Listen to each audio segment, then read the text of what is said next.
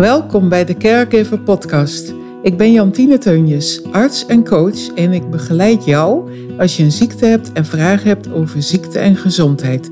Ik wil jou inspireren en ondersteunen, ook als je familie bent van iemand met een ziekte. In deze podcast zal ik persoonlijke dingen met jou delen om jou te inspireren, maar ga ik ook in gesprek met mensen die inspirerende dingen over ziekte of einde levensfase te delen hebben. Ben je op zoek naar inspiratie of mijmeringen rondom ziekte of einde levensfase? Luister dan naar de Caregiver Podcast.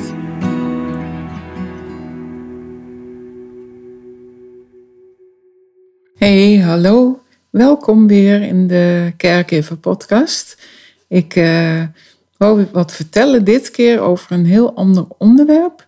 En dat is als je een spierziekte hebt of iets dergelijks, of een neurologische ziekte die ook spierverschijnselen kan geven, of andere hele vervelende bijkomende dingen. Dit is ja, best wel heel lastig om te hebben, ook als partner om erbij te mogen zijn, of als andere verwant iemand, of uh, ja, familielid, of, of uh, vriend of vriendin dat uh, is best wel uh, heftig om mee te maken. Nou, wij leerden bijvoorbeeld in de opleiding eh, tot arts, leerden we twee belangrijke ja, groepen kennen. En dat is ALS en MS. Het zijn toch weer totaal verschillende ziektes. In deze podcast wil ik niet echt tot in detail gaan van wat het nou eigenlijk is. Maar wel, het gaat me ook met name om de dingen die er omheen spelen. En wat het ook met je kan doen als je dat hebt. En wat het voor consequenties kan hebben, bijvoorbeeld. Nou, als je bijvoorbeeld denkt aan MS, multiple sclerose. Dat is een uh, ziekte die in je zenuwstelsel uh, zit. En die ja, eigenlijk uh, steeds verder gaat. Een dat wordt een progressieve ziekte genoemd. Het vervelende is alleen dat uh, je niet weet bij MS hoe het zich gaat afspelen, want je hebt er verschillende vormen in. Men weet ook niet precies wat de oorzaak is. Er is eens gedacht aan het immuunsysteem, of het daar iets mee te maken heeft, of dat het eh, echt puur een ziekte is die ontstaat in het zenuwstelsel zonder duidelijke oorzaak. Ja, het gaat uiteindelijk ook niet erom waar het ontstaat. Het zou wel mooi zijn als we het zouden weten. Dan zou je er rekening mee kunnen houden. En dan zou je misschien er een stukje op kunnen anticiperen. Maar dat is natuurlijk heel erg lastig om dat uh, te doen. Het is uh, in zoverre uh, heel lastig, multiple sclerose, MS. Omdat je dus totaal niet weet hoe het proces zich gaat afspelen. Het kan zijn dat je heel lang weinig klachten hebt en dat het dan in één keer dat de verergeringen optreden, waardoor je in één keer een heleboel minder kunt. En er kan zelfs na zo'n shoep, zo'n periode van verslechtering, dat er weer een stukje verbetering komt. En dat het daarna, dat bepaalde dingen weer minder erg zijn. Maar het kan ook zijn dat, dat je ja, helaas in die groep valt, waarbij het proces best vrij snel kan gaan. En waar je toch elke keer weer dingen inlevert in wat je kunt. Het verraderlijke is dat het ook heel moeilijk uh, te herkennen is in het beginstadium. Je kunt bijvoorbeeld wat vage klachten hebben, dat je wat vermoeid bent of dat je af en toe wat dubbel ziet. Nou, dubbel zien kan ook heel veel oorzaken hebben en vermoeidheid. Zo kun je bij dubbel zien bijvoorbeeld ook denken aan migraine of uh, dat je wat last hebt van je ogen. Dus daar kan ook iets een oogziekte zijn. Het kan allerlei oorzaken hebben, die wat vagere klachten, waardoor je niet meteen op het spoor zit van deze ziekte. Daardoor kan best wel eens een tijd duren voordat je door hebt wat er aan de hand is, wat er speelt. En dan verlies je eigenlijk al tijd. Daarom is het heel goed om hier ook voorlichting in te kunnen uh, krijgen, waardoor je de ziekte eerder herkent. Op het moment dat je het herkent, kun je ja, in lotgenotengroepen of in, uh, ja, kun je op internet natuurlijk allerlei informatie erover opzoeken, waardoor je helder hebt waar je rekening mee kunt houden, hebben of uh, hebt te houden. dat is heel nuttig, denk ik. Heel belangrijk. Het is in elk geval een ziekte die degeneratief is en die doorgaat, waar je in principe niet direct aan kunt overlijden, maar die wel heel degeneratief en lastig kan zijn. Het is voor jezelf heel lastig omdat je niet goed weet hoe je leven vorm kunt geven. En ik denk ook dat heel veel mensen die deze ziekte hebben, dat die uh, gaan nadenken van wat wil ik dan eigenlijk nog met mijn leven? Wat is echt belangrijk voor mij? Daar ga je, word je natuurlijk wel toe gedwongen, lijkt mij, om over na te gaan denken. In principe is het jammer dat je deze ziekte ervoor nodig hebt om dit soort dingen je af te vragen. Want het zou mooi zijn als alle mensen zich af en toe afvragen van wat wil ik nou eigenlijk met mijn leven? Wat doet er echt toe? Wat wil ik op mijn sterfbed uh, kunnen uh, zeggen tegen mezelf? Heb ik het, uh, ben ik tevreden over wat ik met mijn leven heb gedaan? Maar je ziet heel vaak dat dit soort ziektes je op scherp zetten, waardoor je gaat nadenken over wat er werkelijk toe doet en wat belangrijk voor je is. Dat is aan de ene kant een mooie bijkomstigheid, hoe raar het ook klinkt. Aan de andere kant ook wel heel triest dat deze ziekte jou zover moet brengen. Het is natuurlijk allemaal heel onzeker als je niet weet ja, hoe je vandaag je voelt en hoe je morgen of overmorgen zult voelen. Dat is, brengt heel veel onzekerheid met zich mee. Ook zeker voor omstanders die met je meeleven. En misschien ben je ook wel alleenstaand. En dan is het des te lastiger om met dit soort ziektes om te gaan. Want je weet gewoon niet ja, wat er met je gaat gebeuren. En ik denk ook, zeker als je alleenstaand bent, dat het heel belangrijk is om je ook te gaan afvragen: wat uh, wil ik met mijn leven en waar wil ik uh, mijn tijd doorbrengen? Een deel, het komende deel van mijn leven. Wil je dan uh, in een flatje ergens alleen wonen of wil je misschien in een soort woonvorm gaan wonen waar meerdere mensen zijn die dit, uh, dit soort ziektes hebben, of juist met mensen samenleven die uh, ja, van alles uh, ja, kunnen hebben. Hoeven niet zieken te zijn, hè? daarover heb ik het nu niet. Maar misschien wil je wel met meerdere mensen samenleven, dat je zelfvoorzienend en zelfverzorgend kunt zijn. En ook elkaar kunt aanvullen in allerlei omstandigheden. Dus misschien wel iets voor de toekomst ook, naarmate ook meer de ja, de zorgvormen die nu er zijn, uh, misschien uh, steeds andere vormen gaan aannemen. En je kunt bijvoorbeeld ook denken aan zorgvormen die meer particulier zijn, waarin je zorg kunt inkopen. Dat kan ook heel fijn zijn, zolang je nog voor jezelf kunt zorgen en zorg kunt inkopen die je op momenten nodig hebt, dan kan het ook ideaal zijn. Ja, multiple sclerose. Ja, je ziet daar uh, beloop is dus niet heel helder. Je kunt bijvoorbeeld denken aan dat je op een gegeven moment krachtsverlies hebt en in één keer uh, iets niet meer kunt of incontinent raakt. Of nou ja, het kan van alles uh, gaan betekenen. MS is een ja, lastige, vervelende ziekte. En zo kun je bijvoorbeeld ALS, dat is ook een, ja, ergens weet je daar wat er gaat gebeuren, dat is helderder, maar ook nog veel confronterender in die zin dat je weet dat je binnen een paar jaar overleden bent. Dat is een uh, zeer snel progressieve ziekte, waarbij je verschijnselen hebt die heel snel kunnen toenemen. En die dus ook uh, heel degeneratief en snel kunnen optreden.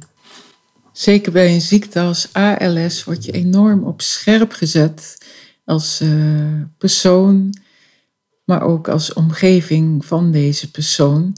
Want uh, je weet gewoon, uh, dit is een heel heftig iets waar niks aan te doen is, geen enkele behandelmethode voor. Dat is vreselijk. Ik heb mensen gekend, ik ken nog mensen die het hebben of hebben gehad dus. En ja, ik heb gezien wat dat uh, voor iemand kan betekenen. Ik heb iemand meegemaakt die ook op het laatst niet meer kon praten. Die ook amper nog kon slikken. En die persoon zei op een gegeven ogenblik: Verder wil ik het niet laten komen. Ik wil nu eigenlijk ja, niet meer verder leven op deze manier. En die heeft toen dus ook een euthanasie willen regelen. Moment dat uh, ja, die euthanasie was ook volledig goedgekeurd, ook al kon hij niet meer zelf uh, ja, woorden eraan geven. Hij kon wel ja en nee nog zeggen. Dus je kon wel gesloten vragen kon hij prima nog beantwoorden. Dus hij kon toch zijn boodschap nog wel duidelijk maken. En daar gaat het om uiteindelijk, want dan ben je nog volledig wilsbekwaam. En de arts die dus hem uh, heeft uh, herbeoordeeld, de scanarts, die heeft ook gezegd, ja, hij is, uh, het is een duidelijk verhaal en deze persoon wil gewoon niet stikken, dus dit mag. Het verrassende was alleen dat op het moment dat die persoon dus euthanasie zou ontvangen, toen uh, overleed die meneer op de betreffende ochtend. Dus dat was heel verrassend eigenlijk. Waardoor ik ook uh, heel sterk het gevoel had. Uh, ja, dan is het blijkbaar ja, bij deze persoon ja, natuurlijk niet nodig. Maar het lichaam maakte zelf zijn keuze eigenlijk om te overlijden. Of de, ja, hoe je het ook maar beschrijft of noemt. Hè? Dus dat is wel heel bijzonder, vind ik hoor. En het is wel iets wat in elk geval belangrijk kan zijn om in overweging te nemen. Ik heb al eerder ook in mijn podcast gezegd: van nou, het is zo belangrijk om na te denken over wat je wilt uh, als het slechter met je gaat. Of als je dreigt uh, ja, met een ziekte dat het einde nabij komt. Of uh, wat je ook wilt voordat er zich definitieve dingen voordoen, dat je van tevoren je dingen eventueel heel goed op papier zet. Dat ook je, de mensen in je omgeving, dat die ook weten wat, ze, ja, wat je graag zelf het liefst zou gewild hebben. Dat is heel belangrijk om dat uh, kenbaar te maken in een wilsverklaring. En als het zich dan voordoet, een bepaalde ziekte, en dat je niet meer kunt praten, dan weet je omgeving toch dit had hij of zij gewild. En uh, hiermee doen we wat goed is. En kan je ook absoluut niet schuldig gaan voelen als omgeving over hetgeen je dan beslist over iemand. Want uiteindelijk is het mooist als iemand zelf kan beslissen over zichzelf. Is niets wat beter is. En is met dit soort ziektes, ja, sowieso is het heel belangrijk. Maar met dit soort ziektes is het ook heel belangrijk. En een ziekte als ALS, nou je weet gewoon wat er gaat gebeuren. Het proces is uh, heel helder. Je steeds minder kunt en op een gegeven ogenblik zelfs dreigt te gaan stikken. Nou dat wil toch eigenlijk, dat zou je niet wensen. Hè? Dat zou je niet willen dat dat gebeurt. Dat wil je het liefst voor zijn. En als je dan toch kiest voor geen euthanasie. Ik ben niet iemand die euthanasie hier wil promoten, hè? begrijp me niet verkeerd. Maar ik kan me wel voorstellen dat dit in zo'n verschrikkelijke ziekte een keuze zou kunnen zijn. Dat bedoel ik eigenlijk. Dat die mogelijkheid uh, zou kunnen bestaan. En ja, je kunt ook nog kijken naar andere mogelijkheden om een uh, zo prettig mogelijk palliatief traject te hebben. Ja, dan zit mijn kat, die zit wat uh, geluiden te maken. Een van mijn katten. Ik kan er niks aan doen, dus ik praat toch maar gewoon door. Ook een hond maakt nu geluid. Ja, ik ga hem nu niet onderbreken, dus excuses voor de geluiden op de achtergrond. Nou, zo heb ik ook bijvoorbeeld een, ken ik iemand die heeft een niet bekende spierziekte. En dat is, nog last, dat is ook in zoverre heel lastig, dat als je weet wat je hebt, dan kun je daar rekening mee houden. En dan weet je wat het proces kan zijn, wat er verder gebeurt in je, in je ziekteproces. Maar op het moment dat je een onbekende ziekte hebt, dan weet je totaal niet wat je kunt verwachten. Dat kan dan in die zin weer heel lastig zijn. Je weet niet of je uh, op een gegeven moment harder achteruit gaat of niet. Je weet niet wat je kunt verwachten sowieso. En dan uh, is dat uh, heel, ja, hoe zeg ik dat eens even? die onzekerheid kan ook heel slopend zijn. En ook als je zo'n ziekte hebt, je voelt je continu moe. Die persoon voelt zich in elk geval continu moe. Ik praat dan even daar alleen over. En uh, voelt zich eigenlijk 90 qua conditie. En omdat het een niet erkende ziekte is, is het ook heel moeilijk om daar van, vanuit je directe omgeving een stuk uh, meeleven in te krijgen of erkenning. Zo kan het bijvoorbeeld zijn dat nabijstaanden zoiets hebben van, ja, het zit je waarschijnlijk tussen je oren, er is niks aan de hand. Dat kan zelfs dat er zo, en trouwens als iets tussen de oren zit, waarom zou het dan niet iets kunnen zijn? Hè? Dat is nog even iets anders. Je kunt gewoon, uh, ziektes die zijn niet alleen lichamelijk, die kunnen ook in je hoofd zich afspelen. Het is altijd een combinatie. Het is niet zo dat je kunt zeggen van nou het is alleen lichamelijk of het is alleen geestelijk. Het is vaak uh, heel uh, complex. Ja, dat is ook heel lastig als je dus een niet erkende ziekte hebt of eentje die niet in je omgeving wordt gezien als bestaand. Dus heb je bijvoorbeeld ME, zo'n soort ziekte. Hè? Of uh, is een soort uh, vermoeidheidsziekte waarbij iemand ook totaal uitgeput kan zijn. Er wordt nog altijd gezocht naar oorzaken daarvoor. En toch kunnen mensen daar heel erg veel last van hebben. Het kan zeer invaliderend zijn. En dan wordt er gezegd, ja, we kunnen niet echt een duidelijke oorzaak vinden. Dus is het wel een bestaande ziekte? Ja, iemand heeft er last van, dus dan is het een bestaande ziekte, naar mijn mening. En of je dan, wat voor etiket je dan op kunt plakken. Of het vanuit je spieren komt, of vanuit je hoofd, of vanuit uh, je immuunsysteem, of wat dan ook. Het is gewoon, het blijft lastig en het is uh, heel invaliderend en uh, erg om te hebben. Dus ik wil toch gewoon die dingen even zo benoemen. Voor de omgeving is dat natuurlijk ook heel lastig. Van hoe ga je hier goed mee om? zodat iemand uh, goed, zich goed gesteund voelt ook door, uh, door jou. Dus ook als mantelzorger kun je ook afvragen van hoe kun je zo goed mogelijk voor iemand zijn. Het is heel belangrijk, denk ik, dat je ja, naast wilt staan.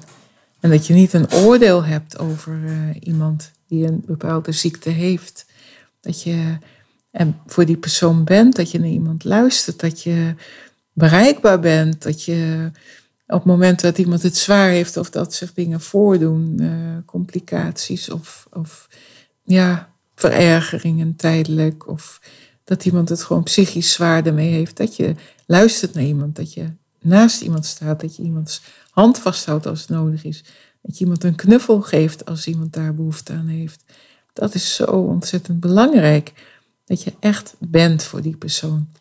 En het is niet belangrijk dat je op dat moment uh, een antwoord hebt op vragen. Het is vooral belangrijk dat je echt bent.